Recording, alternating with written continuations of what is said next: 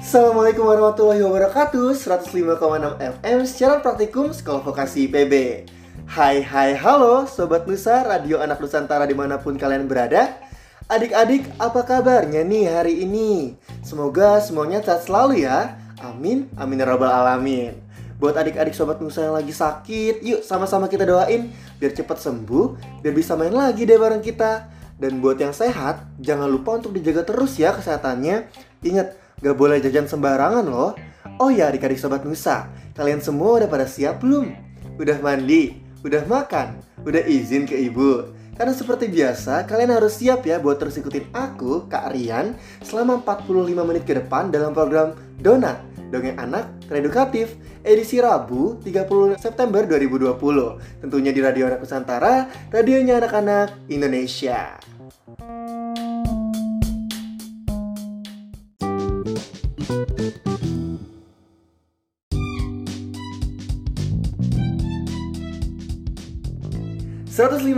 FM siaran praktikum Sekolah Vokasi IPB Adik-adik Sobat Nusa, gimana kabarnya nih sekolah kalian?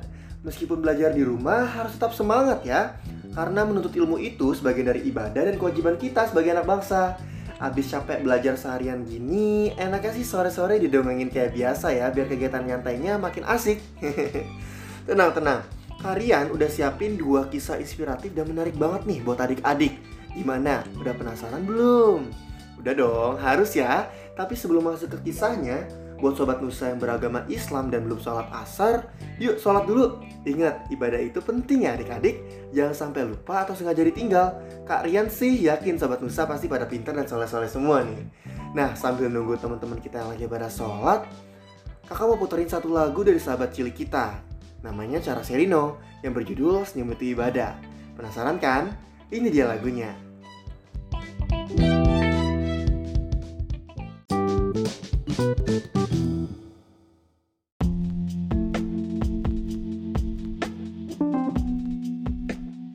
105,6 FM siaran praktikum Sekolah Vokasi PB Hai hai hai adik-adik sobat Nusa Udah denger kan lagu Senyum Itu Ibadah dari Tara Serino yang barusan kalian putar? Udah belum? Udah kan? Iya kan? Lagu itu sengaja kakak puterin karena selain enak didengar juga punya makna yang bagus loh Seperti judulnya, senyum itu ibadah Adik-adik harus banyak senyum ya biar dapat pahala dan bernilai ibadah Gak boleh cemberut pokoknya, nanti cepat tua Sebelum mulai, coba mana nih senyumnya? Mana, mana? Udah pada senyum belum? Hmm, sayang banget nih, kalian gak bisa lihat satu-satu senyumannya Tapi gak apa-apa deh, kayaknya udah pada senyum-senyum semua nih Gimana bu? Pak? Kak? Adiknya udah pada senyum belum di rumah? Oke deh, duduk yang manis ya adik-adik Dongnya akan segera kakak bacakan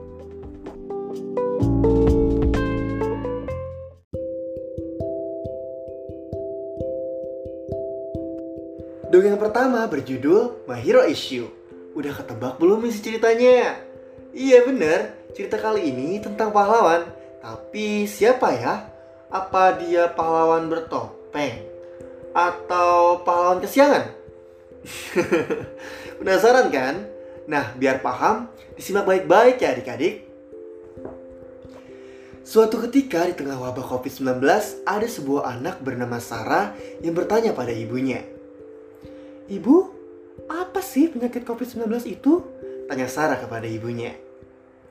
COVID-19 adalah penyakit yang disebabkan oleh virus corona. Kita tidak bisa melihatnya karena ukurannya yang sangat kecil, jawab ibu. Tapi, virus corona bisa menyebar lewat batuk dan bersin dari orang yang sakit atau terinfeksi dan menjangkau orang lain atau benda di sekitarnya. Orang yang tertular bisa mengalami demam dan batuk. Mereka bisa juga sulit bernapas.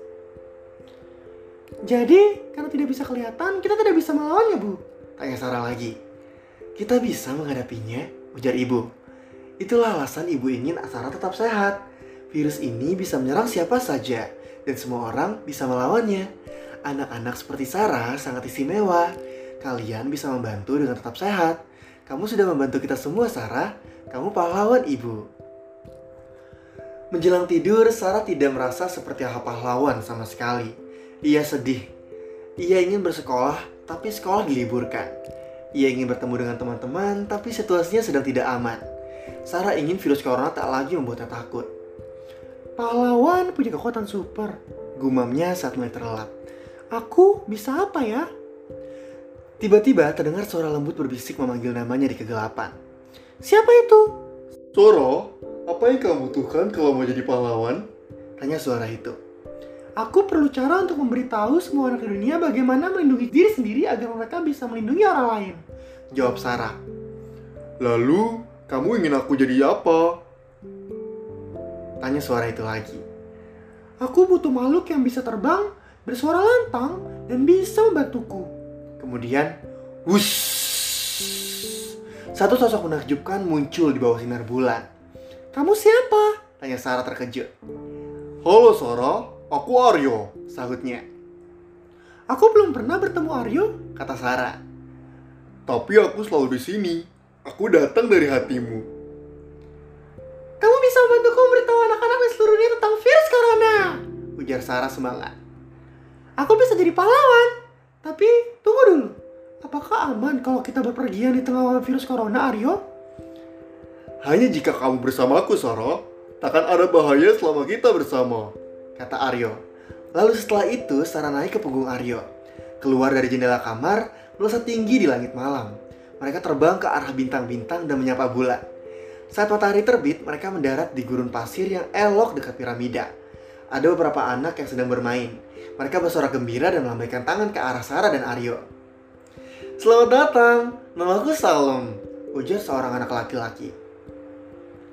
Kalian sedang apa di sini? Maaf ya, kami tak bisa mendekat karena harus menjaga jarak sedikitnya satu meter.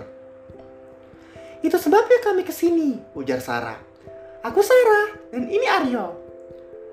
Tahukah kamu kalau anak-anak juga bisa melindungi tetangga, teman, orang tua, kakek, dan nenek mereka dari virus corona? Kita bisa melakukannya dengan cuci tangan pakai sabun dan air. Tukar salam sambil tersenyum. Kami tahu, Sarah, saat batuk, kami juga menutup mulut dengan lipatan siku dan kami tidak bersalaman tangan. Kami berusaha tetap tinggal di dalam rumah, tetapi kami tinggal di kota yang sangat ramai. Ada beberapa orang yang masih keluar rumah. Hmm, tampaknya aku bisa membantu, kata Aryo. Mereka tidak bisa melihat virus corona, tapi mereka bisa melihatku. Ayo naik, duduklah di kedua sisi sayapku. Jarak keduanya paling tidak satu meter. Arya terbang bersama Salam dan Sarah yang duduk di kedua sayapnya. Ia terbang di atas kota dan mulai meraung serta bernyanyi. Salam berteriak kepada anak-anak di jalan. Hei, sampaikan pada keluarga kalian. Lebih aman di rumah. Kita bisa menjaga satu sama lain dan tetap di rumah. Orang-orang takjub dengan apa yang mereka lihat. Mereka melambaikan tangan dan kembali masuk ke rumah. Aryo kembali merasa tinggi ke langit dan Salam pun bersorak bahagia. Di atas awan ada pesawat yang melintas. Para penumpangnya melihat mereka dengan kagum. Tiba saatnya mereka untuk pulang. Sarah harus berpisah dengan teman barunya. Mereka berjanji pada satu sama lain untuk tak akan pernah melupakan petualangan hari itu. Sarah merasa sedih karena mereka mungkin tak akan pernah berjumpa lagi dalam waktu lama. Namun, ia merasa lebih baik saat mengingat kejadian yang telah dilaluinya. Aryo mengantarkan mereka ke rumah masing-masing. Sebelum pergi, ia menemani Sarah hingga tertidur. Apakah besok kita akan bisa jalan-jalan lagi? Tanya Sarah. Tidak, Sarah. Sekarang kamu harus bersama keluargamu. Jawab Aryo. Kaulah pahlawanku, Sarah. Pahlawan bagi orang-orang yang menyayangimu. Kemudian Sarah terlelap. Dan saat bangun keesokan harinya, Aryo telah pergi. Sarah tidak akan melupakan semuanya. Tamat. Wah, seru banget ya ceritanya. Gimana? Sekarang mau adik Sobat Musa jadi kenal kan siapa pahlawan dari dongeng My Hero Issue? Iya, pahlawannya itu you, kamu. Kalianlah pahlawannya adik-adik. dari cerita itu sekarang kita tahu ya kalau kita adalah pahlawan bagi orang-orang yang kita sayang. Terlebih dalam menghadapi virus corona ini, kamu bisa menjaga orang-orang tersayang dengan rajin mencuci tangan menggunakan sabun dan air. Pakai masker setiap berpergian dan tetap di rumah aja. Jadi adik-adik harus terus semangat ya. Gak boleh sedih, harus ceria dan senyum terus pokoknya. Iya dong, karena setelah ini kalian masih punya satu cerita lagi nih buat didongengin ke kalian. Jangan ke mana-mana ya, tetap duduk manis di depan radionya, jangan diganti frekuensinya. Kalau kakak, papa, atau mama di rumah mau ganti frekuensinya, bilangin nanti dijawab sama kalian gitu. Tunggu sebentar ya anak manis, kakak akan lanjutin dongengnya setelah pesan-pesan berikut ini.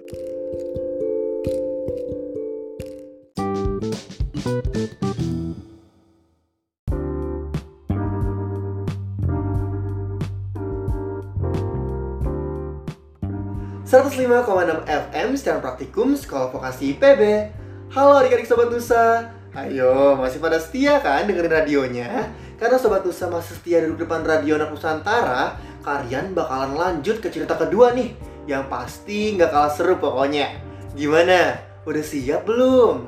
Harus siap dong Ada yang tahu kisah apa lagi yang mau kalian ceritain? Yap, betul. Cerita kedua berjudul Pina si Kelelawar. Disimak baik-baik ya adik-adik. Di sebuah negeri yang jauh di tengah hutan terdapat seekor kelawar kecil namanya Pina. Awalnya kehidupan Pina baik-baik saja. Ia senang bermain bersama teman-temannya. Namun, suatu ketika terjadi badai besar yang melanda seluruh isi hutan. Semua warga berlindung di rumah masing-masing. Badainya sangat besar, sehingga tidak ada satupun orang yang bisa bertahan dari amukannya. Rumah adalah tempat satu-satunya untuk berlindung. Pina sedih. Hari-harinya terasa berbeda. Pina ingin bertemu dengan teman-temannya dan kembali bermain bersama. Tapi sayangnya, mereka harus terpisah dan tinggal di rumah masing-masing. Dalam kesepian dan kesedihannya, ibu tiba-tiba mengagetkan Pina. Nak, kamu sudah harus belajar terbang. Besok pagi akan ibu ajarkan ya. Pina cemas. Bukan masalah terbang, ia sangat ingin bisa terbang seperti kelelawar lainnya. Tapi bagaimana ia bisa belajar cara terbang bila badai belum juga berhenti? Hingga keesokan harinya pun tiba. Pina harus siap belajar terbang. Tapi ia masih cemas. Bu, bagaimana bisa aku belajar terbang jika badai masih mengamuk di luar? Ibu juga bilang kalau kita tidak akan mungkin keluar jika dalam kondisi badai seperti ini. Tanya Pina. Coba bilang kamu harus belajar di luar sayang, tanya ibu. Loh, lalu di mana aku akan belajar terbang, Bu? Pina masih kebingungan. Ibu pun kembali menjawab. Di rumah kita sendiri sayang, meskipun tidak seluas dan semenyenangkan seperti belajar di luar, di rumah saja tidak akan membatasi kamu untuk belajar sedikit pun. Ibu dan ayah akan membantu kamu, Pina. Kamu pasti bisa belajar dengan baik. Di rumah sekalipun, tidak akan menghalangi kamu. Asalkan kamu mau bersungguh-sungguh ya, nak. Terang ibu. Perlahan dan penuh kesungguhan, akhirnya Pina berhasil belajar dengan baik di rumah. Ia sudah bisa mengapakkan kedua sayapnya dengan sempurna dan melayang di langit-langit rumah.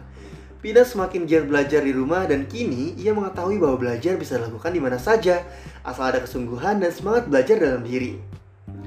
Tamat. Wah, akhirnya selesai juga ya cerita Pina sekelawar. Gimana adik-adik sobat Nusa? Pada paham gak sama maksud dari cerita itu? Bagus banget ya ceritanya. Ada pesan moral nih yang bisa kita terapin dalam kehidupan kita sehari-hari. Apalagi di masa pandemi sekarang ini, adik-adik harus tetap semangat ya meski belajar di rumah. Pina aja yang kelelawar bisa belajar di rumah, masa kita enggak? yang penting adik-adik harus sungguh-sungguh buat belajarnya. Belajar itu asyik loh, apalagi kalau ditemenin mama sama papa. Makin seru deh pasti belajarnya. Nah, dari dua cerita yang Kak Rian sampaikan sore ini, adik-adik Sobat Nusa perlu harus wajib fardu ain pokoknya buat tetap semangat dan terus berjuang menghadapi pandemi corona ini. Semoga kita semua selalu diberikan kesehatan ya adik-adik. Kakak sayang kalian semua. Tetap menjadi anak baik dan manis ya.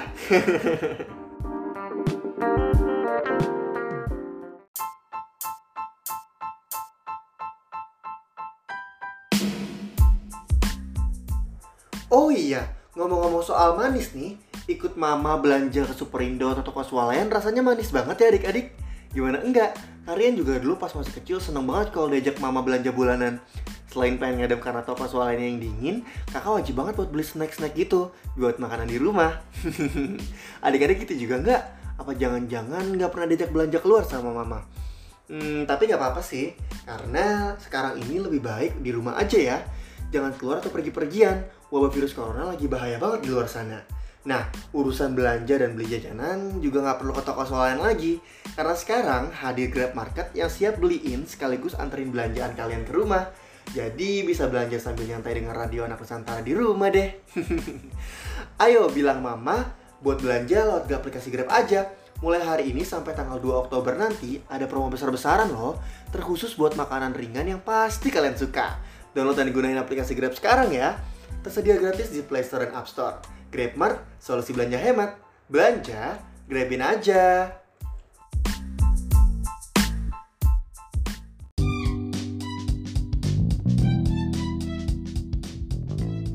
Adik-adik Sobat Nusa, kita udah sampai di penghujung acara nih. Kalian mau izin pamit ya. Terima kasih dan sampai jumpa di episode Donat selanjutnya. Hmm, sebelum tutup, ada hadiah kecil dari kakak nih buat Sobat Nusa semua yang baik hati karena udah mau nemenin kakak dari awal sampai akhir. Yang tahu lagunya boleh nyanyi bareng keluarga di rumah ya.